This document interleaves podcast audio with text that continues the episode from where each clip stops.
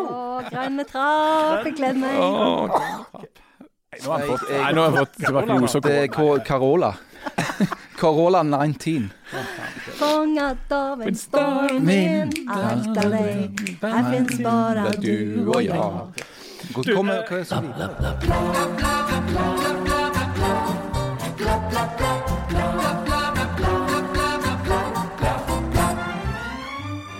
Tre av ti vil ikke ta koronavaksinen i Norge. Hvorfor er det sånn, og bør vi nekte uvaksinerte å reise til Syden eller inngang på Pol eller noe sånt? Hvorfor nekter Janne å snakke om den mystiske komiteen hun er med i? Er Jan den nye Gerd Liv Valla? Og ja, vi skal ut på galeien med Harald Birkevold.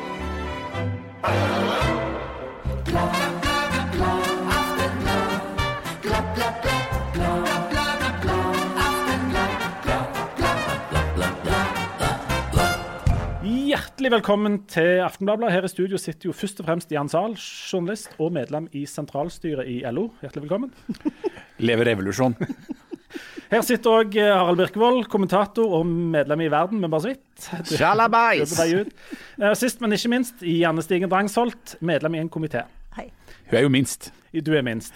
Du, denne komiteen eh, Åndelig sett er hun størst. Ja, men, men hør nå. Denne komiteen som du eh, sist annonserte at du var med Ja. i, som du nekter å snakke høyt om, hva er det slags komité egentlig? Ah, det er en sånn ansettelseskomité. Det Ja, ja, Offisielt, ja, men hva slags komité er det egentlig? Ja, jeg Har du kunne- tilgang på våpen? Jeg kunne sagt det, men jeg ville måtte drept deg etterpå. Det er, det er såpass, ja.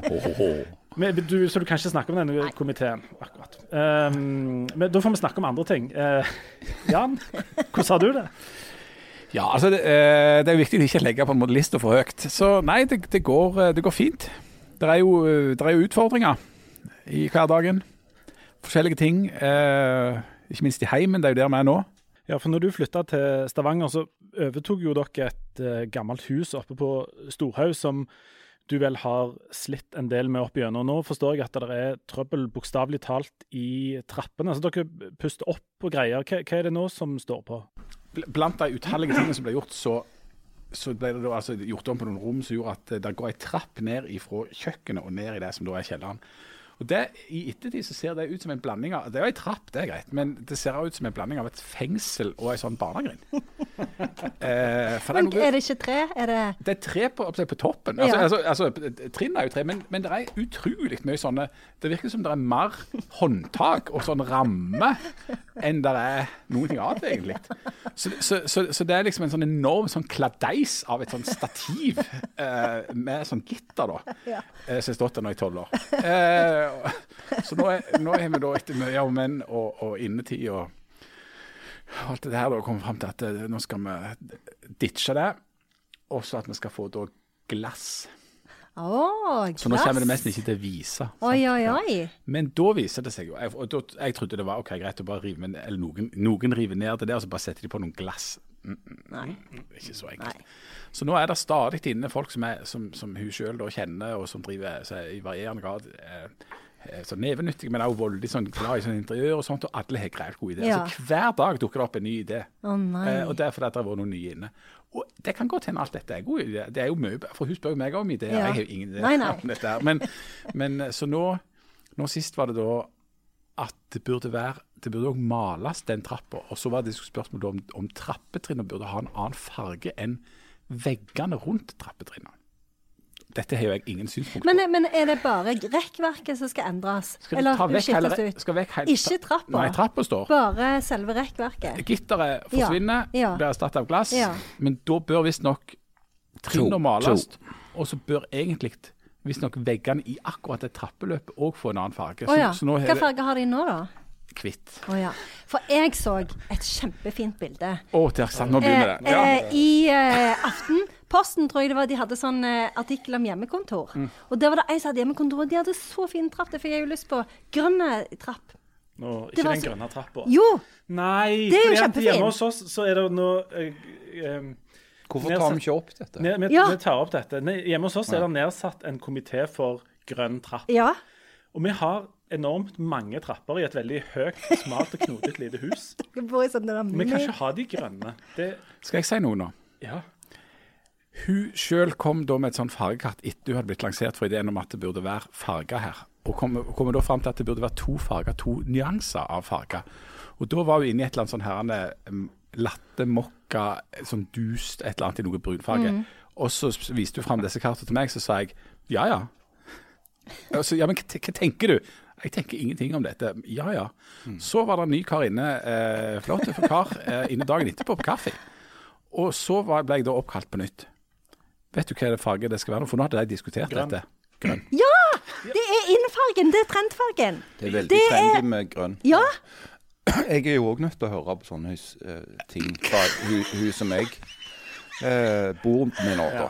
Eh, sent, så seint som i, i går kveld, rett før jeg gikk og la meg, så måtte jeg se, sitte og se på noen sånne firkanter med forskjellige farger på. Eller hun sa de var forskjellige. For meg så så de helt like ut. Det er interessant. Den grønnfargen så nemlig helt lik ut som den der kaffe oh, eller latten eller et eller annet farge. Ja, ja. Uh, men så måtte jeg sitte der da, og så lage noen sånne lyder. Sånn, øh, ja. Hmm. Og så, og så, så, gjorde hun det, det, det som er det ondeste av alt. Hun, hun sa til meg nå er her er det fem stykker. Hvilken syns du er finest? Du vet, du vet svaret på det? Ja, nei. Ja, jeg vet jo svaret på det. Nummer to. Av en eller annen grunn, for det, du må ikke velge Ja. den første, for da gir du opp tidlig. Og hvis du blir Og så må du velge to. Det var jeg gjorde. Jeg, altså, herregud, jeg er 53 år, jeg har jo vært med på dette før. Det er ikke den første kona. Nei, det er ikke den første kona, for å si det sånn. Sånn at det du gjør eh, til alle mannlige lyttere der ute, og andre som ikke er interessert i farger eh, Hvis du får et sånt valg, så tar du to av de på måfå, og så sier du ja, jeg liker de to best, men jeg klarer ikke helt å bestemme meg. Da, Ja, har du, da er du i grunnen ferdig. Ja, og det du ikke gjør, er å si sånn 'jeg bryr meg ikke', og så når eh, kvinnen har valgt, og det er ferdig malt, og da kommer og sier 'blar ikke den litt lys'? Ja. Det skal du ikke gjøre. Da, hvis, du har, ikke, hvis, du har, hvis du nekter å velge, så kan du heller ikke komme og kritisere etterpå. Nei, det er det er ikke alle som skjønner. Nei, det er jeg enig i. Så jeg pleier alltid bare å si at dette bryr jeg meg ikke om. Da får jeg beskjed om ja, men du må jo bry deg om dette, du òg. Eh, så, så sier jeg nei. Så sier hun ja, men du òg bor jo her, og du har har du ingen mening om dette? Nei, ikke noen mening om dette. her. Men du er nødt til å engasjere deg. Men jeg mener det må være akseptabelt å legge seg på et litt lavt engasjementsnivå. Litt sånn type Hva syns du om, om hopp, skihopping i OL? Ja, det er sånn, det, men eh, Ja, for du kan si noen sånne generelle ting. Jeg er jo som Mitt generelle utgangspunkt, og det kommuniserer jeg ganske tydelig til, at jeg er skeptisk til farger generelt. Du vil bare at det skal være enten hvitt eller grått eller svart? Eller Ja. noe sånt. Jeg vil at det skal være eh, så kjedelig som mulig, og så fargeløst som mulig. Det ville være veldig Men det blir grønt nå. For gleder meg jeg, til å så se. jeg så jo ikke forskjellen på om det var, om det var eh, mokka cappuccino eller mosegrønt, for det er så dust at det er jo bare Det er jo ikke snakk om grønt som sånn jeg opplever grønt, men det er en slags gerilja, eh, eller en sånn dus eh, nyanse av et eller annet grønnlig. En gang for mange år siden med en av de andre konene, da eh, har jeg malt deg helt sjøl, eller pustet opp en hel trapp. Fra liksom inngangsdøra og helt opp til loftet i et, eh, en sånn tomannsbolig. Det var mye trapp. Ja. Og, og den skulle males i sånn to farger. Tony tone. Greier som vi hadde til og med Eller vi. Hun hadde jo inne en sånn fargekonsulent. Så, så da oppdaget jeg? For å finne ut om det var vår eller sommer. jeg trodde òg det het en maler. Nei da, dette, dette er et menneske som kommer før maleren, som da var meg. en premaler? En premaler, og så kommer og så uh, går rundt og kikker, og så sender noen skisser. Skisser. Uh, og på de skissene så står det sånne fargekoder på forskjellige ting. Så da var jeg eh, i, i sving da, og malte.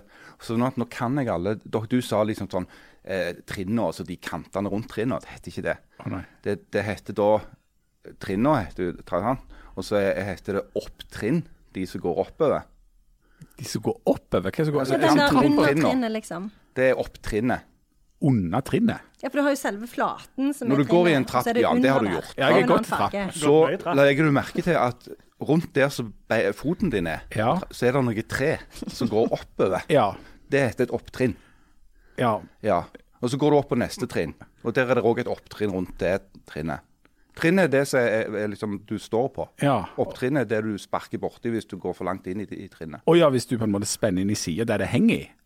Ja, Å, ja. det er opptrinnet. Det er opptrinnet, ja. Og så kanten mellom trinnet og opptrinnet heter nasen. Trappenese.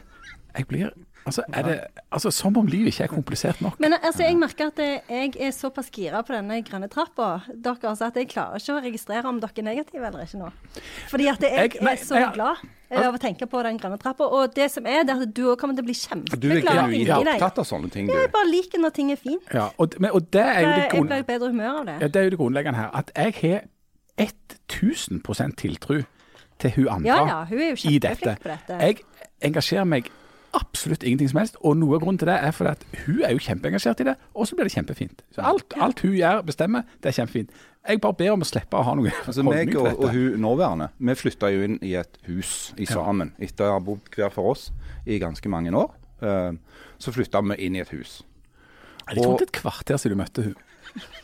Ja, og jo, i kosmisk forstand så er det jo det. Ja. Uansett, så flytta vi inn der for under et år siden, i mars, mars 2020. Akkurat når det var på eh, liksom Pandemi var noe nytt, og vi lærte stadig vekk nye uttrykk om det. Men uansett så flytta vi inn, og da begynte hun med en gang, ikke sant? sånn som de gjør. Male og male og holdt på, og jeg så på farger og mumla. Og så f.eks. malte hun stua i en sånn mørk farge. Og noen som var på besøk sa at den var kjempetrendy. Og jeg sa sånn, mm, ja, ja. ja. og, men plutselig en dag så hadde hun malt den på ny. Altså, Vi har jo ikke bodd der et år Men engang trend, ennå. trenden hadde vel endra seg? Ja, det eller? går veldig fort. Ja, men jeg tenker jo som så at hun er jo mye mye flinkere enn meg, akkurat som hun så Jan er sammen med nå. Og hun som Eh, jeg er gift med. Og hun som du er gift med, og Janne, de er flinke. Ja. Og som vi som ikke er flinke, vi kan på en måte tre til side, for vi har så mye annet vi kan tenke på. Eller ikke. Ja, og, og som vi eventuelt kan være flinke i. Og vet du hva, nå Ja. føles det så naturlig å trekke fram litt av et fargekart. Og altså, alle som har hørt på podkast før, vet at fargekart er best på podkast. Ja, ja, ja. Men nå skal jeg dra fram noe jeg har skjult for de andre, for de ikke vet ikke om det. Med, der har kommet i posten Her har kommet et postkort som heter Pantone 14-1119. Det er vin Winter Wheat. Winter wheat er fargen winter wheat. Og så er det altså et, et kvadrat i den øverste delen av det da, som viser den fargen. Og det ser Winter akkurat ut som et plaster. Beige. Beige, ja. Nei, det er plasterfargen. Ja, det er plasterfargen. Den internasjonale ja, ja, Ja, plasterfargen. den internasjonale plasterfargen. Og så tenker jeg hm, det er, sånne farger har jeg aldri fått i posten før. Men det viser seg å være et postkort. Fantastisk. Eller et brev, faktisk. Det var innpakket i en konvolutt. Og så, så bakpå det så er det noen som har skrevet noe. Vi har altså fått enda et brev. Vi har fått enda et brev som er en fargekode. Men eh, er jo nå helt eksploderer fantastisk. Hodet mitt. Nå eksploderer hodet Ja, til Janne. det Det, det. det er flott å se på. Worlds, worlds collide. Ja. Her står det Aftenbladet. Podkasten er helt ellevill. Jeg har hørt meg gjennom alle episodene, og det er det strek under alle. Kan dere være greie å lage minst to episoder i uka? Det er fra Sandnes. Fra Sandnes. Hæ? Så, så mor di skriver altså Mor mi bor ikke på Sandnes. Nei, det gjør jo ikke Det Janne som bor på Sandnes. mor, Det er Janne mor til Janne Ja. skriver altså Ja. brev til oss. Men det, og dette er ekte Dette er et ekte post, eller brev, brev vi har fått i post. Og det stopper ikke der. OK. Nå dramatisk lot jeg det postkortet nå falle. La meg gå over på et annet postkort. Du er så god på sånne overraskelser. Ja. Jeg er så god. Det, de, her er det et bilde fra gamle Stavanger, og så står det Post-crossing står det utpå ut på her. og Det jeg ante ikke jeg hva for noe. Dette er et, et postkort der det er skrevet mye med lite skrift. Det er godt gjort. Jeg liker lite skrift og mye skrift. Ifra Signhild på Bryne. Hun viser det seg er Det er det som er mor di. Nei, hun nei. heter Synnøve. Oh, ja. uh, hun Signhild fra Bryne, blant mange ting. Hun, hun skrøt av Hun takker for en super podkast. Det er veldig flott. Men Takk. så, ja, midt i sjanspunktet mellom seriøst og fjasete, det er flott. Hun tok eh, visjonen vår og strategien og uh, vårt why utrolig godt, og ikke minst how. Men um, det viser seg at hun er en postkortnerd. Nei. Og at postkortnerdene Det finnes noe som heter postcrossing.com. Der kan du registrere deg, og så kan du få postkort av vilt fremmede folk. Nei. Blant andre som er glad i postkort. De hadde altså et, et møte, et, et seminar, I det internasjonale postkortmiljøet. i det internasjonale postcrossing postkortmiljøet i Stavanger. 6. til 8. mars 2020, som det står frampå dette postkortet. Kan det være det som satte i gang hele denne pandemien? Det er der det starta, altså. Ja. De hadde møte 6. til 8. mars. 12. mars, Ja, bang. ja. Så, så her står det en del om, om, om postkortmiljøet, så står det ja til dikt. Fantastisk. Stopper ikke der heller. Det sto, hva sa du på slutten der? Du, siste du sa? Det sto noe om dikt. Hva var det de sa om dikt? Vi kom, Hysj nå, vi kommer tilbake Så har vi fått, dikt, så, så vi fått et i en litt mørkere en, Innpakket i en konvolutt der det var en litt mørkere hvetefarge, eller litt mørkere plaster, på en måte. vil Står det fargekode på den? i Det står ikke fargekode, men det er et bilde av noen fugler på utsida. Der står det at Det er fint. denne framsida dreier seg litt i retning Janne, eller for der er det bilde av noen fugler. De pleier jo Janne å drepe. Ja. Men det står òg et, et lite sitat. 'Delight in the little things'. Hvem har skrevet det? Det vet jeg ikke. Rudyard Kipling. Oh. Som jo er sånn. Skulle til å foreslå han Ja. Dick Dick Dickens. Heia bestegjengen, står det her. Harald, Jan og Janne. Hæ? Vent litt. Harald, Jan og Janne. Vent litt. Nå har jeg venta litt, for det var en tankestrek, så det, det, det skulle være tenk at Vent litt. Ja. Harald, Jan og Janne. Kunstpause. Hva er deres holdning til fruktnøtt? Åh, den var er det sant at det står? Det står. Ja. Mens dere tenker på det. Eh, punkt to. Leif Tore og Jan. Blei Turi og Børre noen gang avslørt?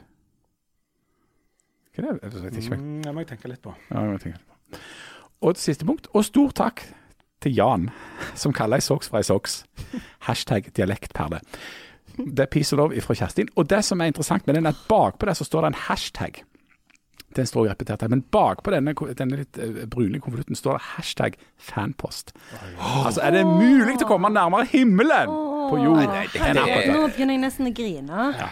Men vi får jo og, altså, I tillegg til at uh, vi får kort, og det er utrolig omtenksomt, så får vi jo de beste kortene. Ja, det. Ja, Vi det får bare de altså. beste Ja. kortene. Vi elsker dere Ja. alle sammen, skriver, særlig dere som skriver kort. Ah, Ifra de beste folka. Ja. Så det er bare å fortsette. Vi har ironisk nok de vakreste lytterne. Ja, absolutt. Ja, det er litt rart Det, å tenke på. ja, det er universet som tuller med. Du, vi Men jeg må si det at jeg, Ja. jeg pleier ikke å kjøpe fruktnøtt. Nei, men det er bra. Men mm. fruktnøttgreiene, det, eh, det skal vi, får vi ta en annen gang. Jeg har klart å roe meg litt ned på akkurat denne Vi kan ha en fruktnøtt-spesial. Ja, det kan være. Det kan Jeg, jeg er svakest for Walters mandler. Ja. Jeg liker, be jeg liker best helt vanlige melkesjokolade. Jeg liker best den der Kvikk Lunsj. eh, Denne store den Kvikk Kvikk Lunsj? Lunsj-baren. Ja, den, ja. Jeg mener at det må være noe, det må være et eller annet som skjer inni det. At det blir for kjedelig med den rene melkesjokoladen. Og det blir sånn smirent og, og, og seigt oppi, oppi ganen. Men, så, Jeg liker det, jeg. Mm. Vil ha sjokolade med sjokolade i? Altså hvis du har, Når du har en melkesjokolade med Vi skal ikke snakke mye om dette, men hvis du har en melkesjokolade for, for med Japp, så har du altså i praksis en sjokolade der de har tatt Ja, en sjokolade inni, Mm. og der inni den sjokoladen inni sjokoladen er det en slags karamell. Ja, det er sant. Det kan bli mye òg. Mm. Men det er- det det er- hvis du skal ha noe oppi, så kan det være denne helnøtt. Ja, men for jeg syns alle de der Japp og Smil og husker ikke flere, de, det blir mye. Walters mandler er òg ganske gode. Ja, altså. den er ganske god. Ja. Mm, Men litt salt, syns jeg. Ja, jeg syns det kan være greit av og til. I love salt. OK, i eh, del to så skal vi snakke om eh, vaksinemotstand, og vi skal selvfølgelig ut på galeien med Harald. Eh, stay tuned, så er vi straks tilbake.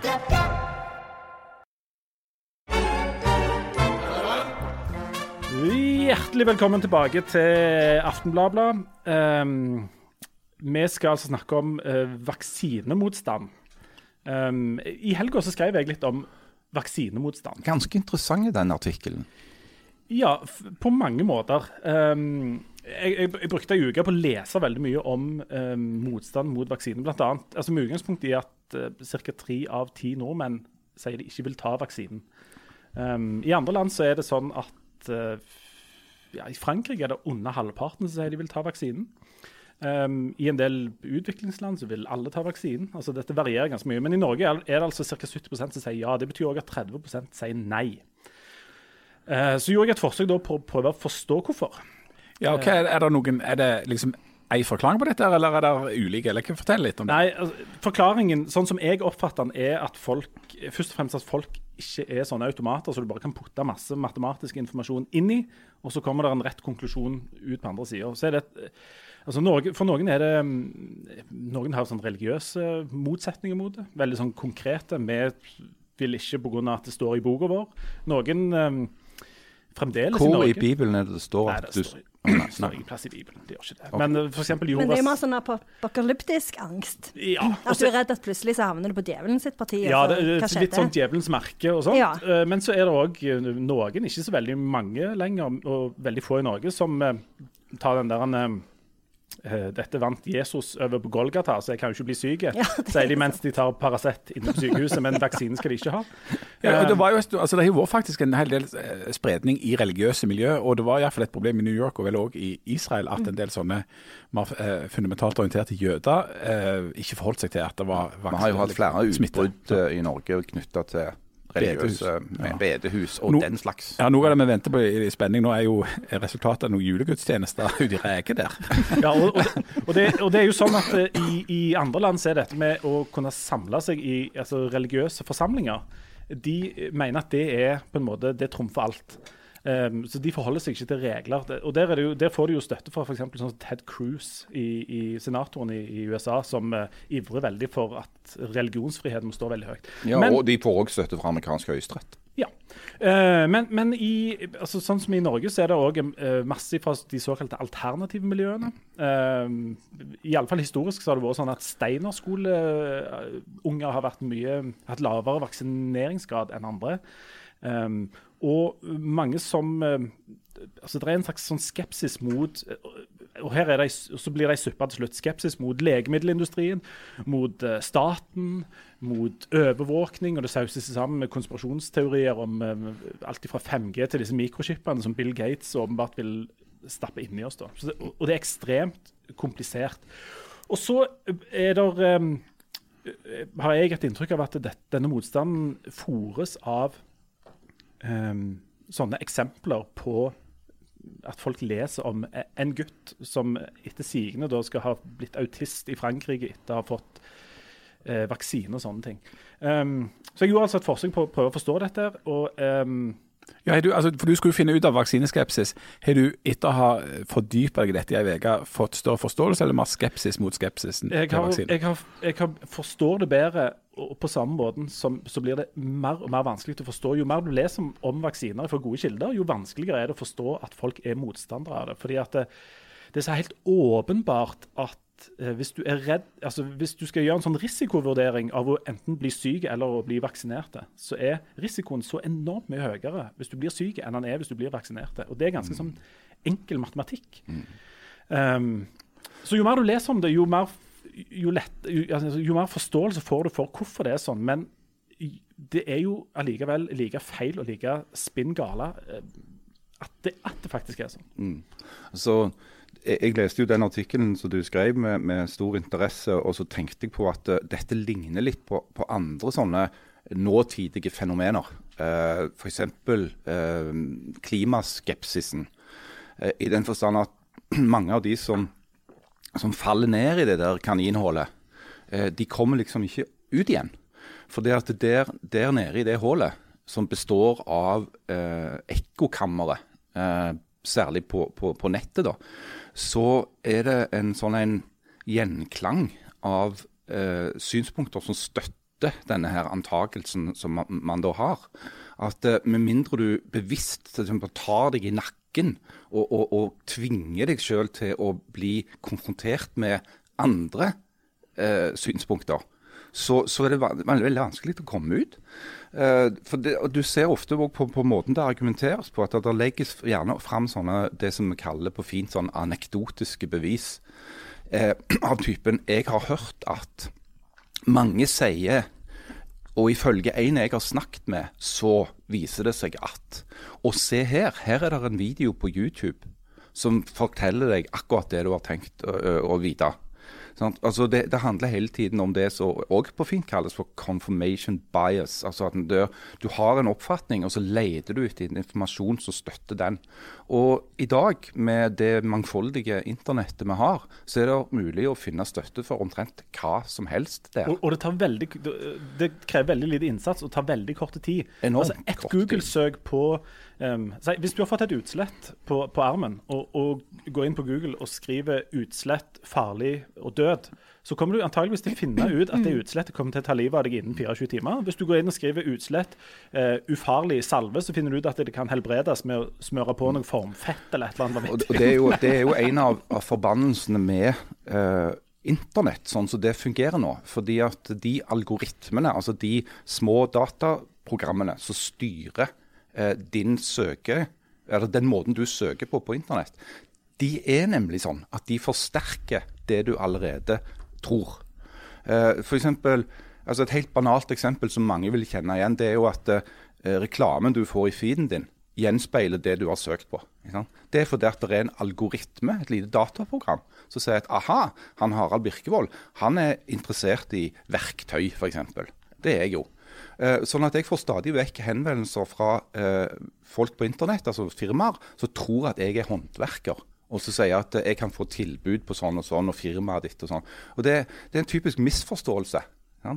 Men det er veldig effektivt, fordi, som, fordi de fòrer deg med mer av det du vil ha hele veien. Så, og Det er derfor mange kaller det for et sånt rabbit hole. Det kommer jo ifra Alice in Wonderland. ikke sant? At du, du, du, du faller ned i et hull som du ikke kommer ut av, og så er du plutselig i en sånn alternativ verden. Men eh, Utgangspunktet mitt for å skrive om dette her var at skepsis er jo en bra ting. Um, og du Jan, er jo skeptisk mot aller meste som ikke er håndfast og kan bevises, og tilhenger av markedskreftene i skallelogikk. Og, og, det å være skeptiske til, til ting er jo utgangspunktet en er jo utgangspunktet bra. Det, vi skal jo være det. Det er jo en kjempebra ting. Og så er det en veldig menneskelig ting, dette med confirmation bias. Altså at en, en, Det er ikke sånn at en først leter opp fakta, og så gjør seg opp en mening, men det er veldig ofte sånn at en gjør seg opp en mening, og så leter en etter fakta som kan understøtte den eh, meningen som du allerede har, eller forsterke den, eller få argument for det. Og jeg merker òg i min egen skepsis at jeg har jo, det er jo eh, synspunkt og plasser og typer informasjon jeg har større sympati med enn andre, da. Eh, og at jeg òg kan tenke herregud for noe idioti når jeg leser noe som jeg da oppfatter er helt klin kokos eh, og, og, i en helt annen verden. Men så gjelder det da liksom, å klare å kombinere det med skepsis og med eget utgangspunkt og egne holdninger. Og klare å koble det med å sette seg litt inn i noen, å være åpen for at jeg kan finne et andre synspunkt, og være åpen for i hvert fall å diskutere det. Det betyr ikke at du, skal gå, at du skal være enig i det, eller at du skal gå inn i det. Men det er jo, er jo de helt store utfordringene i vår tid. at ulike folk som er skeptiske på ulike måter, skal kunne snakke med hverandre. Dette var jo egentlig det Joe Biden snakket om i innsettelsestalen sin. Altså, kan, eh, Mora hadde lært han at du må av og til lære deg å sette deg i de andre folka sine sko. Prøve å se hvordan verden ser ut fra den der andre sida. For nå står vi i noen sko som står voldsomt langt ifra hverandre. Eh, vi er våre, inne i våre egne bobler, våre egne eh, rabbit holes på mange måter. Og det er enormt vanskelig å nå fram til noen andre eh, og, og, klare å finne slags, liksom, et eller annet sånn løsning i midten, et kompromiss i, i, den grå midten, som de fleste kompromisser og løsningene ligger i, og som jeg heier på, men der eh, nesten ingen finner fram lenger. Og så, når jeg drev og leste om dette, her, så var det stadig folk som kom tilbake til at eh, at det er trekk i, i, vaksinemotstand og klimaskepsis alt dette her som er såkalt postmodernistiske. Eh, som er altfor vanskelig. Nå er det bra med en professor her. Nemlig. Ja. Janne, professor jo, i postmodernisme? Du er jo professor i postmodernistisk eh, englelitteratur. Stemmer det. um, og I begynnelsen så begynte jeg å rote meg bort i sånne litterære eh, epoker og sånne ting. Men eh, det var liksom ikke den postmodernismen det var snakk om. Men det var snakk om det der med at eh, det finnes ikke sånn helt klare fakta, og folk skal være veldig individualistiske. og uh, Foreldre skal, skal sjøl eh, kunne mm, styre eh, sin egen og ungene sine, mm, sin helse, f.eks. Du, skal, du skal eh, lytte til legen, men det er du som må bestemme og sånt. Um, hva er det det postmodernisme-greiene egentlig? Det er vel Lyotard som sier at det, når eh, Lyotard, hvem er det for deg som ikke Han er jo en sånn fransk filosofperson. Eh, så når, eh, eh, når, han sier at når moderniteten begynner Moderniteten begynner jo sånn på slutten av 1800-tallet. Og da sier han at når den begynner, så dør alle de store fortellingene. For før var det sånn at det, eh, en kunne samle seg rundt f.eks. kristendommen. At alle var kristne. Eh, alle trodde de kom til helvete når de døde. Hvis de ikke var snille, da. Ja, og ja. ingen var så snille. Ja, det skjedd noe etterpå så jeg ikke har fått med meg? og så, uh, så, han sa at det, Før var det sånn at alle kunne samle seg om en historie om hvordan verden så ut, og så var det greit. Men uh, med moderniteten så oppsto alle disse herne små fortellingene. Eh, så da ble det mye vanskeligere å orientere seg i virkeligheten. Og det er jo litt fordi moderniteten er jo ei tid som er prega av oppfinnelser og utvikling og liksom teknologiske nyvinninger og sånn. Så alt går går jo veldig fort. Og da, høres- da, det- høres ut- som du snakker om internett nå, men da er moderniteten altså 1800-tallet. Ja, oppfinnelsen av dampmaskiner. Ja, ja, sant? for det skjedde jo så utrolig mange All, all slags greier ble jo oppfunnet på eh, 1800-tallet. Plutselig kunne du reise med tog, liksom. Det var jo helt psycho. Så, så folk syntes at dette gikk veldig fort. De ble veldig redde. Eh, og kvinnene begynte jo å gå med bukser og ville ha stemmerett. Og det var jo kjempemange skumle ting som skjedde. Så, så da ble det sånn at det, plutselig så hadde en eh, masse små fortellinger eh, som, som fortalte hver sin sannhet. Og dette har jo bare eskalert og utvikla seg. Eh, og, og så er vi her som vi er i dag, hvor en tror liksom at dette er en sånn ny ting, men det er det jo ikke. Det er bare at liksom, ja, vi har internettet, så Jan sier. Som har gjort de deres fortellingene enda små og enda flere? Ja, ja, eh, de er enda mer små, enda flere. Og så har du liksom Men så, så har du det på den ene sida. Eh, men så har du på den andre sida så har du f.eks. Eh, disse kristne eh, folka som tror at eh, vaksinen er djevelens merke. For de har jo sin fortelling. sant? Før var jo det en fortelling som alle delte, men nå er det en fortelling som bare noen få har. Og da er det sånn at den fortellingen blir enda sterkere, for da må du liksom sette hele din lit til den fortellingen. Og jeg leste jo, har jeg begynt å abonnere på Vårt Land, eh, så, Ja, selvfølgelig. så jeg leste en sånn artikkel der. et møblert hjem, med Stigen Brangsholt sine. Stemmer det? Og så er du jo med i en komité, og de, hvis folk er med i komiteer, de må holde vårt land. Det er helt riktig. Så, så, og der sto det at eh, eh, faktisk så har han sett at det der er ganske stor vaksinemotstand blant kristne. Og det har jo òg med disse konspirasjonsteoriene og gjør at en tenker at det, eh, eh, dette her er et ledd i å kontrollere de kristne, sånn at det nå endetida kommer, så har en på en måte ei liste og kan ta livet av alle sammen. For det er KrF og Frp eh, der er flest eh, vaksinemotstandere i. Ja.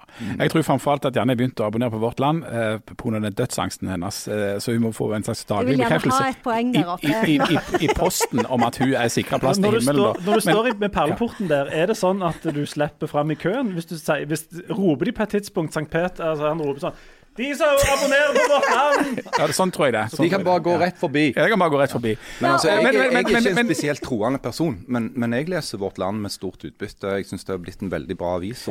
Jesus Christ, det var jo ikke Vårt Land vi skulle snakke om nå. Herregud. Eh, Men, men eh, poenget med det postmoderne er jo at det er noe som kommer etter det moderne. Og det moderne samfunnet er altså liksom 1800-tallet og 1900-tallet. Og, og klisjeen på hva det postmoderne er, For det postmoderne var voldsomt i skuddet på 90-tallet. Det var liksom at alt flyter. Det er ingenting som er sant lenger. Min sannhet er akkurat like mye verdt som din sannhet. Det er litt sånn alternativ eh, altså, og, og det er jo et, det er jo der vi er nå. At uh, OK, uh, dere er deres fakta, vi har våre fakta. De er alternative fakta, men de er akkurat like gode som dine fakta. Så, så det er liksom ikke noe fakta lenger. Det, alt flyter. Da, er det blitt postmoderne. Ja, og så begynner det jo med en sånn en skepsis til språket, da. Sånn at det, det, og det begynner jo òg før liksom ganske Altså nesten på begynnelsen av 1900-tallet så får du jo denne her skepsisen. For det er liksom OK, det heter stol, men det er jo ikke noe sånn eh, naturlighet i at det skal hete stol. Det kunne jo hete chair eller hva som helst. Og så er du inne i en sånn der er en avgrunn mellom ordet som vi bruker for å beskrive verden, og verden sjøl. Og da går jo alt til helvete ganske fort. Det jeg lurer på er jo hva som er sammenhengen mellom postmoderne og postkort. Altså Nå har vi fått postkort her, sant? men hva er det med post? Det er jo noe som heter postmoderne kort, ja. der du får bare sånn biter og får litt her og litt der. Og alle sine kort er like gode. Og Og, hva kommer etter postmodernismen? Nei, eh, det er jo mange som mener at postmodernismen egentlig ikke har begynt. At vi egentlig er modernismen ennå. altså. Men, men modernitet og modernisme er jo ikke det samme. Eh, For modernisme og postmodernisme, det er jo egentlig eh, i hvert fall, eh, Det er jo mer en, sånn, en slags måte å fortolke verden på, og ha- ha med kunst og, og, og kunstneriske bevegelser å gjøre. sånne ting. Så, så det er jo ikke en historisk periode, postmodernismen. Det har mer med hvordan, altså en måte å fange liksom, zeitgeisten på, altså hvordan vi ser på verden og oss sjøl og alt det der. Ikke fordi det var kjedelig, men, eh, Men, altså, men, Men- men- det er ikke kjedelig i det hele tatt. For det, dette er jo fader meg noe av det viktigste som fins. postmodernismen Ja, altså Nei, ikke postmodernismen. Men altså, måten vi tenker om verden på. Han, altså det er jo det som er det på en måte grunnleggende. Sånn. Hvordan betrakter vi verden og vårt forhold til verden? Eh, og den diskusjonen om at alle eier sin egen sannhet, f.eks., den er helt avgjørende for å forstå hva som skjer nå. Eh, og dessuten så er det jo sånn at den diskusjonen Nå høres vi jo ut som med, med P2 her, men den begynte jo supertidlig. Tenk på Platon. Med den, Nå høres det ut som P2, ja. Gode, gamle Platon, som levde for over 2000 år siden sant? i Hellas. Eh, og huleligningen. Sant? Altså Forestillingen om at eh, det vi ser rundt oss, eller tror vi ser, bare er en refleksjon av noe annet. At det er en dypere virkelighet bak den virkeligheten vi ser. Sant? Og så kan du spole fram f.eks. til eh, Descartes, som, som liksom sa 'jeg tenker, derfor er jeg'. Sånn? Men det sa han egentlig etter at han først hadde sagt det aller viktigste. Det han sa 'jeg tviler, derfor tenker jeg'. Det var det første han sa. Eh, sånn, sånn dubito ergo cogito. Det var det første han sa. Og så sa han etterpå cogito ergo sum. Sånn at det er en totrinnsrakett der. Sant? Altså Den tvilen har jo blitt lagt vekt på av filosofer hele tiden. Eh, Kant, Immanuel Kant det samme. Altså tingen i seg sjøl a priori og post, eh, altså posteriori, altså når du reflekterer over tingen, er to forskjellige ting. Sånn at dette er noe som vi har vært opptatt av som mennesker i alle tider. Og så havner du vi til slutt da i språket, at det er språket som konstruerer alt dette, og så er det liksom Så har du det. Wittgenstein og greier sånn. Men du, Ja, pluss at det er han som kom seg ut av den hula og så sola. Han, når han kom tilbake igjen og fortalte om det han hadde sett, så banka de jo han opp. de, de slo han i hjel. De slo han i hjel. det er litt sånn som å gå i frakk på kinoplassen på eh, 80-90-tallet, dette. Og langt hår. Men, ja, langt Det år. blir litt sånn Ja. Men, men Leif. Tore, her skrev du da altså en, en artikkel om vaksinemotstand der du gikk inn med en ganske sånn åpen holdning og skulle prøve å finne ut noe om dette her. Og overskriften var eh, 'tenke sjæl'. Altså, det betyr dette at folk bare tenker sjøl. Hva slags reaksjoner har du fått på den artikkelen? Jo, det er ganske interessant. Um, der er og- det er akkurat så forutsigbart som du skulle, skulle tro, med noen veldig, veldig få unntak. Altså, jeg, um, jeg har fått Det er ikke så får, Noen ganger får du veldig mye tilbakemelding på ting du skriver i avisa, og noen andre ganger er det helt stille, og du sitter hjemme og lurer på Stort sett er det jo helt stille, hvis vi skal være brutalt ærlige. Se, en sånn leserstorm er jo hvis det er to stykker som ringer. Veien har ringt feil. Men um, her er det sånn at alle de som er enige, sier fra at ja, dette er bra, jeg er helt enig. Litt sånn. Um, men jeg har òg Jeg har nesten aldri fått så mye um, kjeft heller. Og det er fra folk som eh, mener at dette her er eh, bare tull. eh, at, at vi er en del av stat, altså den statlige vaksinen. MSM. Ja, og, og den statlige vaksinepropagandaen. Jeg har bl.a. fått 20 akkurat, cirka 20 akkurat helt nøyaktig identiske e-poster fra noen som har skrevet en e-post, sendt rundt til alle vennene sine som mener det samme som de, og spurt om de kan sende den til både meg og til redaktørene våre, til vår administrerende direktør og til eh, Norsk Journalistlag og Presseforbundet. Um, Her, Ikke, altså, ikke kongen i statsråd. nei, faktisk ikke. men skal jeg få lov å, å, å, påpeke den fantastiske ironien i det brevet? Ja, Fordi ehm, de aller fleste har bare sendt det brevet, men så er det noen som har vært litt sånn late, som har klippet ut hele den e-posten som tydeligvis er gått rundt i dette nettverket. Der det står, det, det starter med at ja du, eh, nå, nå driver folk og skriver om vaksinemotstand og, og, og sånt, og for dere som, som eh, er liksom mot folk som tenker kritisk og tenker sjøl, så kunne det kanskje være eh, bra å gi en tilbakemelding. Så eh, her er et forslag. Og så er det folk som skal tenke selvstendig og fritt og kritisk, de har da kopiert nøyaktig den samme teksten som en annen har formulert og, og det som og sendt rundt. Er det, altså, er ikke det det motsatte av å. Eh, Det, det, det, min, altså, det, min, det minner jo litt om, om de, der, de jentene i 9. klasse der det, det viktigste i verden er å ha sin egen stil som er helt lik hun som står på sida. Men, men det er en annen ting. Men, men det som eh, eh, det som står i disse e-postene, og jeg har fått ganske mange sånne private meldinger og sånt òg, er bl.a.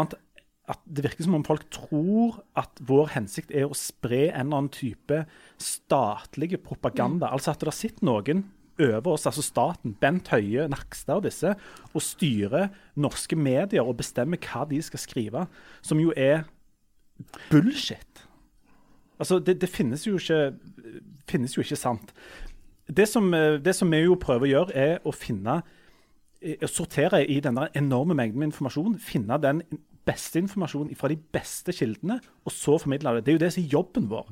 Og når vi gjør det, og f.eks. da den beste informasjonen kommer fra Folkehelseinstituttet, da, som har best greie på vaksiner og folkehelse i Norge. Hvis den informasjonen vi formidler er den samme som de, så tror åpenbart ganske mange at vi er kjøpt og betalt og driver en slags propaganda. Det syns jeg er litt skremmende, faktisk. Ja, Det er skremmende, og det sier noe om igjen en sånn virkelighetsoppfatning. Igjen der konspirasjonsteoriene gir sånn enorme svar på at det meste her i verden er, er komplisert. Men, men hvis du skulle tenkt igjen logisk gjennom det, altså hva, hva slags logistikk og hva slags apparat som skulle til for at disse eh, hemmelige nettverkene skulle eksistere, altså sånn i det helt sånn daglige. Hvordan Bent Høie eller eh, Erna Solberg skulle i det daglige klare å, å, å påvirke først Folkehelseinstituttet og så ned på våre sånne redaksjonsmøter. Når du møter opp liksom på, på mandagen, og så og har du en, en redaktør eller en leder du forholder deg til, og så hvordan du ender opp med å skrive en statlig propagandasak om dette som et ledd i Bent Høie sin plan. Altså, og Hvis det skulle skje rundt i alle norske avisredaksjoner, da hadde iallfall ikke Bent Høie hatt tid til å holde veldig mye på med det koronagreiene. Det er jo sånn, og, og, alt dette skulle skje uten at noen eh, visste det. Disse folket vet det jo. Ja, det vet, ja. det er jo sånn, De har jo gjort sånne undersøkelser på hvor lang altså Hvis det hadde vært sånn at det med månelandingen faktisk var eh, eh, faka, da, eh, hvor, hadde, hvor, lenge hadde de, hvor mange måtte vært involvert, eh, og hvor, hvor, lenge hadde de klart å holde det hemmelig. Eh, og det er jo noe sånn, Var det sånn 100 000 folk som hadde måttet vært involvert i selve liksom, cover-upet, og de hadde, de hadde maks klart å holde på det i ett år. Eh, så det er jo liksom Det går jo ikke Det er jo sånn som du sier, Jan. Det, det, går jo altså fysisk ikke an å gjøre det. Å mm. gjennomføre det. Prøv, prøv, å, prøv å, holde på en hemmelighet. Eller prøv å ja, sende en hemmelighet. Er, og få alle til å holde på Jeg holder i tre sekunder. Altså, nei, jeg, jeg, så fort jeg får tak i en telefon, ja. så skriver jeg det til noen. Så broren min sier en hemmelighet det er noe du bare forteller én person om gangen. ja. Men jeg, jeg, bare, jeg vet jeg har nevnt denne boka før, men jeg leste jo nettopp denne her biografien til denne Tara Westover som vokste opp i en sånn doomsday prepper, mormonaktig familie. Og de, den heter jo edu, Education eller Educated. Og der eh, er det der, eh, De er jo eh, veldig antivaksine og veldig antimedisin. Eh, altså humor og driver og lager sånn homopatipreparater hele tida og sånn. Og de eh, jobber sammen med faren på en sånn en bossplass som, med ekstremt dårlig HMS. Så der skjer det jo sånne vanvittige ulykker hele tida. Sånn, han ene broren liksom blir sånn brent opp, eh, f.eks. Eh, og da lager mor sånn eh, homopatipreparat preparater, og så klarer de på en måte å leke den tilbake til en slags sånn I, i eh, sukkerlake? Sånn. Ja, ja, litt sånn. Og hun får prøve sin første Paracet når hun er 18, liksom. Eh, og, og, da er hun livredd fordi mor har sagt at nå tar djevelen altså det er liksom djevelen tar bolig i deg ved hjelp av disse her medisinene. Og det er første gangen hun har kjent å liksom være smertefri, da. ja. Eh, og, og, så tar hun ender opp på sånn Cambridge, og da tar hun liksom endelig vaksinene. og sånn. Og det, bare, det er enormt interessant, fordi at du, du tar det altså, Vi som bor i Norge, verdens mest sekulariserte eh, eh, land med gratis helsevesen, altså vi, vi tar så utrolig mange ting for gitt. Og da er det så lett å innta en sånn en eh, posisjon å være vaksinemotstander, for du velger vekk liksom én ting, da. Men når, eh, jeg, det som slo meg aller mest når jeg leste den, var liksom hvor enormt takknemlig jeg er for et helsevesen. Og for Paracet? Ja, for Paracet, og liksom ha tilgang til det. Eh, så, så, så, det er eh, Det viser egentlig hvor enormt godt vi har det, at noen liksom prøver seg på å være skeptiske til det. Mm. Når vi, ja. når vi, først snakker om, eh, om, eh, når djevelen tar bolig i deg eh, Vi har jo lovt våre lyttere å fortsette serien 'Harald på galeien'. oh. Som kom til med en liten tilfeldighet, og som var meint som en advarsel mot alkoholens Altså hvordan den kan føre deg på vei. Mm. Og så har jeg en mm. følelse av at det er noen som oppfatter det som at dette skal være eh, lettbeint underholdning og en oppfordring til å gå på Vinmonopolet. Og det vil i hvert fall jeg personlig på det sterkeste avvise at det er det. Mm. Men mm. sist vi, eh, når vi forlot deg sist, Harald, så hadde du, så vidt jeg husker, dette kan dere høre på forrige episode, uh, spydd en puddel rød i Oppført deg som en slags satanist og lå og gjemte deg i en busk et, litt seinere, etter du hadde vært satt deg fast med rauda ned i ei skittentøyskorg. Var det ikke omtrent der? Jo, det, det er riktig, det. Ja. Hva, og Da var dette ferdig, eller? Jeg, jeg bare, skal, vi må innom slampoesi på et eller annet tidspunkt. Vi, vi, skal det, til slutt. Vi skal det til slutt, ja. Men vi må ta dette først. Ja. Må vi det? Ja, vi må det. Dette har vi lovt. OK. Ja, altså for, for oh. For å rekapitulere, så, så, stemmer det det som du sier, at jeg var på eh, en fest hos, hos en såkalt venn. Takk skal du ha, Gugg. Eh, som hadde Dette var jo i studietida, vi hadde dårlig råd alle sammen, eh, og, og uh, Gugg. Eh, hvis egentlig en ansvar skal få forbli en hemmelighet. Eh, og han hadde da satt eh, ei krukke, eller en slags beholder, med noe som de kalte hurtigvin. Og denne hurtigvinen den hadde den vidunderlige egenskapen at han ble full av alkohol eh, lenge før han eh, smakte godt. Eh, så da gikk vi løs på den, og så skjedde alt dette. Jeg satte meg fast i en 17-tøyskorg. slo meg sjøl i svime, eh, kom meg hjem på uklart vis. Eh, måtte ha cola, gikk på butikken, der ble jeg kvalmen, spydde på en hund. Skremte ei gammel dame. Eh, så trodde jeg hadde drept hunden fordi at jeg så ut som en satanist. Plutselig stjal du den colaen. Jeg stjal den colaen òg, men det var mer en slags følgeskade. Eh, Men uansett, da, eh, når vi da finner meg igjen i denne historien, så ligger jeg da i en busk eh, langs Nattlandsveien i Bergen. En tett, et tett buskas, eh, hvor jeg da eh, gråter litt. Grann. Så det er veldig flott at du er i kontakt med følelsene dine. ja, da hadde jeg veldig kontakt med følelsene mine. For det at jeg, jeg tenkte at dette skjer ikke. med- det- Dette kan umulig skje. Men det gjorde det. Og jeg lå der i den busken med litt cola igjen i flaska og grein. Og følte deg skikkelig postmoderne. For det at Jeg syns så fryktelig synd på hun gamle dama, for hun trodde jo virkelig at jeg hadde skada denne lille puddelen. For det at han så jo ut som han var knivstukken. For dette stoffet som jeg hadde i magen, det var helt ildrødt. Det så ut som blod. Og så lå jeg der og så tenkte jeg hadde jeg veldig lyst til å gå ut av busken igjen og, og prøve å forklare meg. Men sånn i et øyeblikk av klarsyn så skjønte jeg at det kommer bare til å gjøre vondt verre. For jeg så jo ikke ut i det hele tatt. Altså, Jeg hadde bare svarte klær, jeg hadde langt svart hår, jeg var likbleike og syltynne. Jeg hadde ikke en sunn livsstil på dette tidspunktet. Eh, og jeg var da i tillegg da, på dette tidspunktet dekka av kvister og blader og, og gamle kondomer som lå inni den der busken. Så jeg jeg kan ikke presentere meg for verden i denne tilstanden. Jeg, og hun stakkars dame hun sto jo utenfor butikken og grein, og det var noen som trøsta henne. Og jeg tenkte det går bare ikke. Så jeg fant ut at jeg får bare ligge her helt i ro, for det var et tett buskas. De kunne ikke se meg. Så jeg lå der til tingene hadde roa seg sånn noenlunde ned, og så la jeg på vei hjem eh, til hybelen i, i Nubbebakken i, i Bergen, da, rett over gamle Hansa bryggeri. Og saken er da at eh, jeg kom nedover mot, mot eh, mitt eh, krypinn. Så var dette som sagt rett bak Hansa bryggeri. Eh, og Hansa bryggeri eh, lagde jo øl.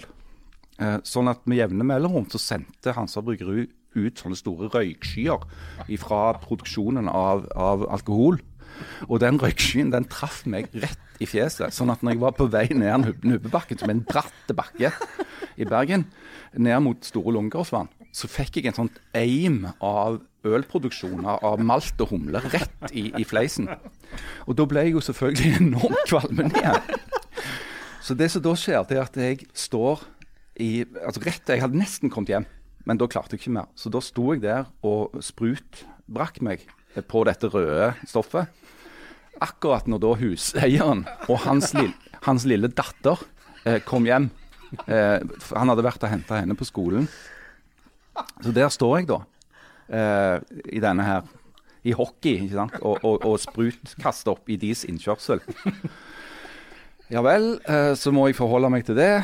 De sier 'går det bra med deg'? Eh, Nei, gjør ikke det. Og, og hun stakkars jenta hun så helt forskremt ut. Men så gikk jeg inn og la meg, og så sovna jeg, og så sov jeg ganske lenge. Og tenkte når jeg våkna at åh, jeg følte meg bedre. Det begynner, begynner å bli bedre, dette. Gikk ned på universitetet, gikk i kantina. Og i kantina så var det aviser, og der lå Bergens Tidende. Og der var det en notis en person var da ettersøkt av politiet i forbindelse med en episode på, i en nærbutikk.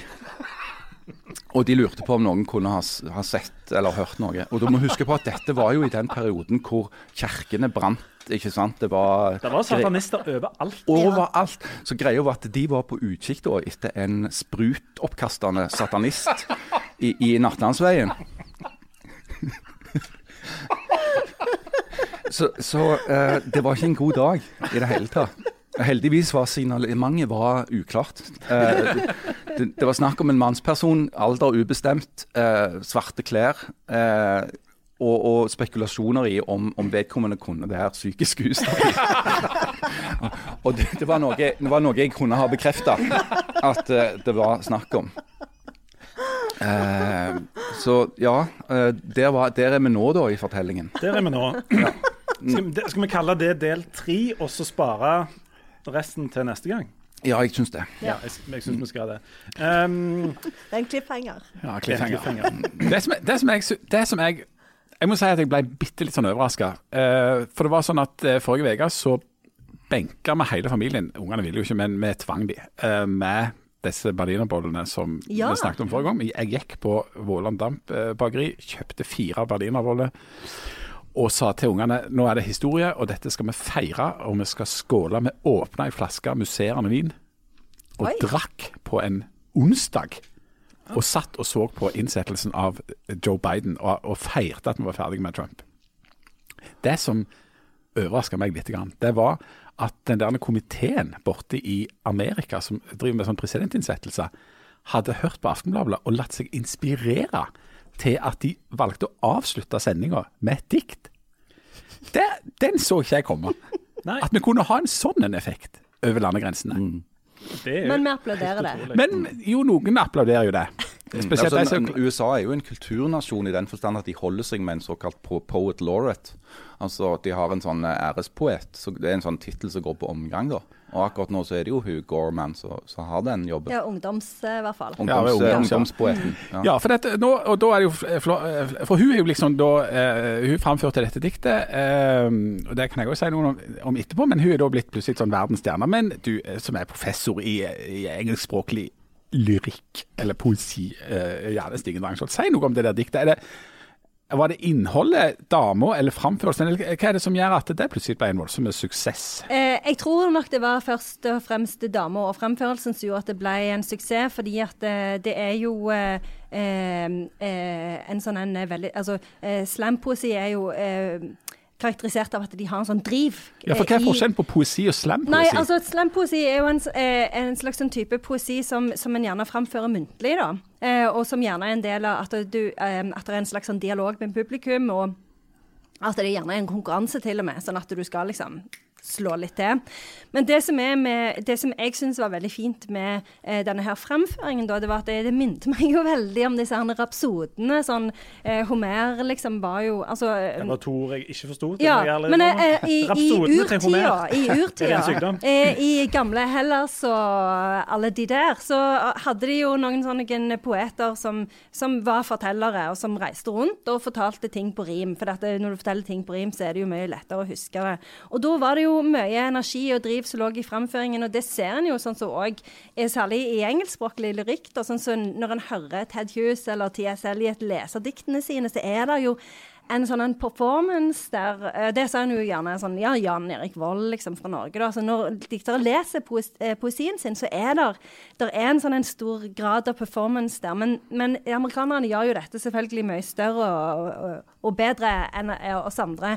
Men det, som jeg, det, som jeg, det første som slo meg når jeg hørte det, det var jo eh, referansen til Hamilton. Det var nemlig det Ja, første jeg tenkte på. Jeg satt og så sa til ungene Hører dere Ja. dette? Dette er jo Hamilton. Det var jo helt fantastisk. Hamilton. Hamilton-musikalen som meg og Janne har framsnakket. Ja. Altså at jeg skulle sitte her Som vi elsker. ikke han snikmorderen i Sverige? Ikke han, nei. Hamilton som ligger nå altså med verdens eh, dyreste uh, musikalbilletter, som blir spilt i New York og London. Nå blir han ikke spilt noen plass, men nå kan alle som har Disney Pluss gå inn og se dette. Ja. Altså, det, er, det er en fantastisk musikal. Og noe av det fantastiske der er måten en, altså, De framfører ca. ti ganger så mange ord som Ja. i en vanlig musikal. De har faktisk telt dette her. Jeg husker ikke om det var ti ganger så mange, men det er enormt mange ord. Og det er en, det er en musikalitet i språket, og det er en måte å snakke på, framføre og synge på som er helt ekstreme. Det er kanon, rett og slett. Og når jeg satt og hørte så tenkte jeg dette er jo Hamilton, sa det høyt. Så kommer det oppslag etter to-tre dager etterpå, så viser det seg at han som lagde Hamilton, har ringt til hun her dama. For det viser seg at hun har en tydelig referanse til Hamilton. Hun har sittet og hørt på Aaron Burser, som er en sang i Hamilton, for å få til den flowen som det er i Hamilton. Wow! Ja, det var veldig, veldig kult. Du, og, og dette, dette diktet ble jo unisont, uni, unisont unnskyld, uh, hylla av alle. Unntatt av Harald Birkevold, dikteksperten som slakta dette. Men det var helt ordinært. Du kunne gjort det bedre sjøl. Ja. Nei, selvfølgelig kunne jeg ikke gått bedre sjøl. Det var det du skrev på vår ja, messenger. At dette skulle du gjort med venstre hånda på armen. Inni en busk oppi oppe i Er Bergen. du- Men er det sånn ja. Fordi at eh, Det var ikke det jeg sa. Jo, det var mer eller mindre. Det var i hvert fall det du mente. Ja, ok. Det jeg sa, det var at jeg syns at diktet i seg sjøl, hvis du liksom tar vekk hele performancen og, og synet av eh, Amanda Gorman som står der eh, så fine og fjonge, så blir det nokså ordinært, selve diktet som dikt. Det er relativt fullt av floskler og, og litt sånn lettvinttheter. Det er litt banalt, rett og slett. Men det er kanskje det vi trenger i vår banale tid.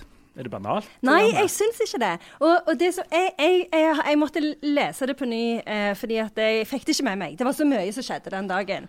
Eh, men jeg syns, jeg syns at det diktet, i tillegg til de referansene til Hamilton, som jo fyller oss med lykke, så, så syns jeg at det der var en, en, del veldig veldig fine ting i det diktet. Eh, for eksempel, og det syns jeg er veldig fint, dette her med at hun hele tida, eh, eller i hvert fall flere ganger i diktet, kobler eh, democracy med delay.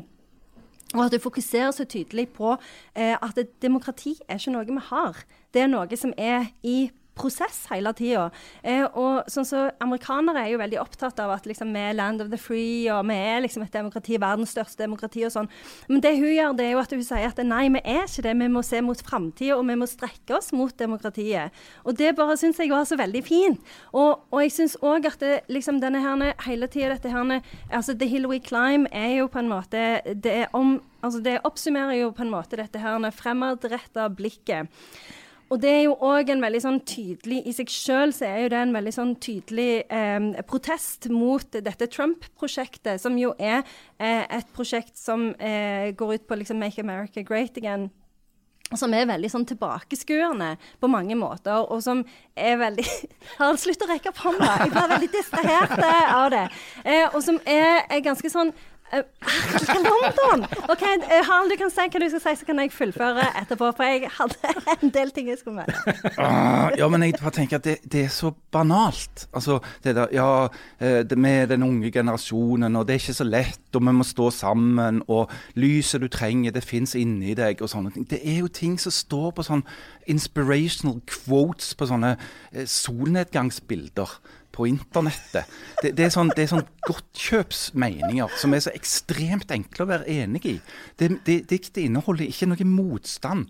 Det er ikke noe ambivalens. Det er ikke noe, det er ikke noe poesi i det diktet der i det hele tatt. Det er bare en sånn oppsummering av helt sånn ordinære følelser rundt dette med demokrati og valg. Det er det som er mitt problem. Ja, men jeg, jeg syns ikke det. Og jeg syns liksom at det, eh, i en sånn en setting, eh, så syns jeg at det var liksom akkurat på sin plass. At det var helt sånn perfekt i forhold til hva, liksom, hva klarer en å ta inn over seg, og hva trenger en å høre.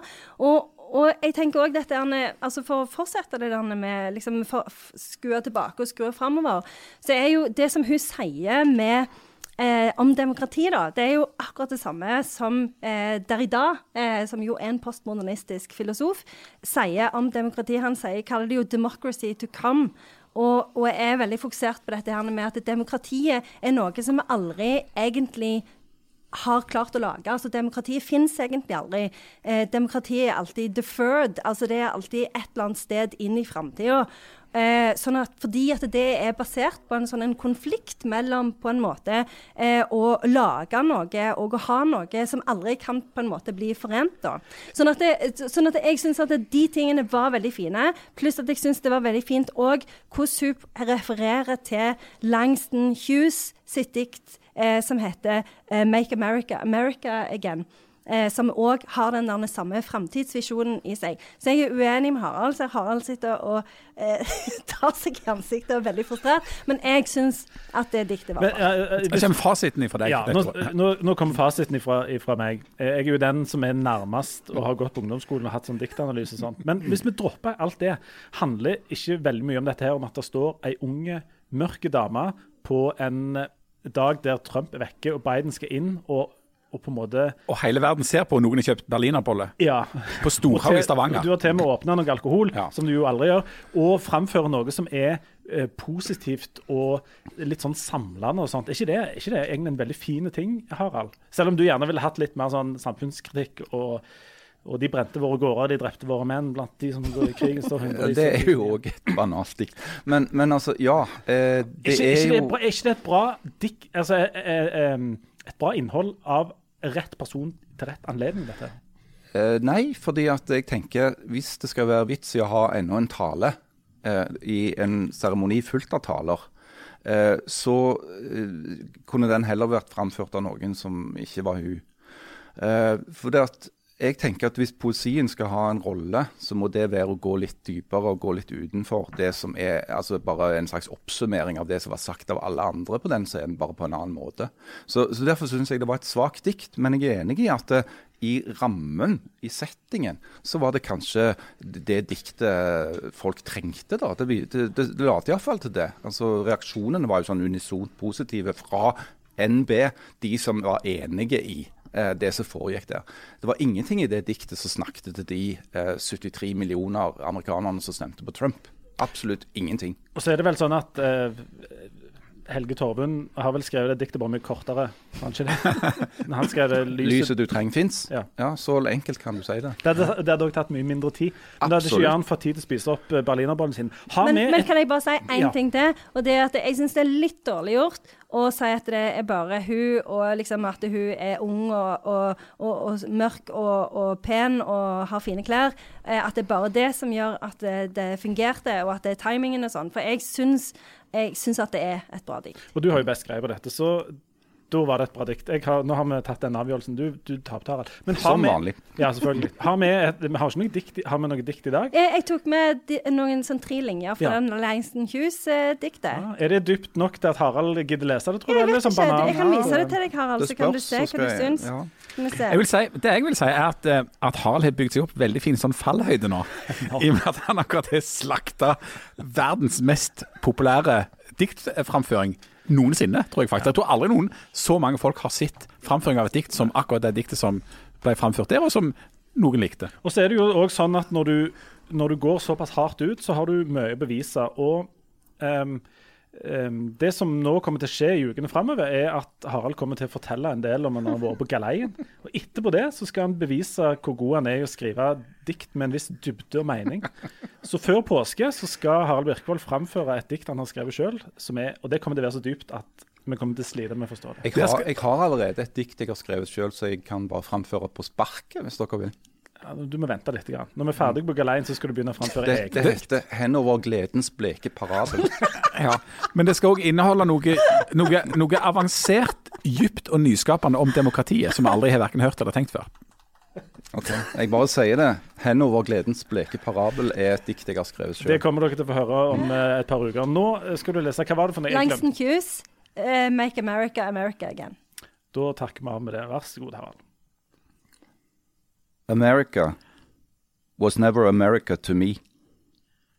And yet I swear this oath America will be. Sykt. Det som, det som jeg likte, var, var den der slam-aktige, slam-poetiske tonen du la an på det med tonen så tennene Jeg tok jo det for å ligne litt på hun Gorman, da. Aaron Burr, sir. Sir. Jeg tenker ennå på hvor dypt det var. Er du så djup at du klarer å tenke så djupt? Ifølge kona mi så eh, har jeg ingen dybde, og hun er helt enig. Alt er overflate, og det er litt grønt nå.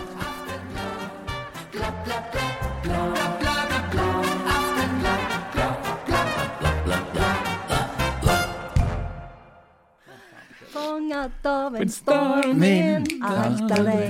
Her fins bare du og jeg.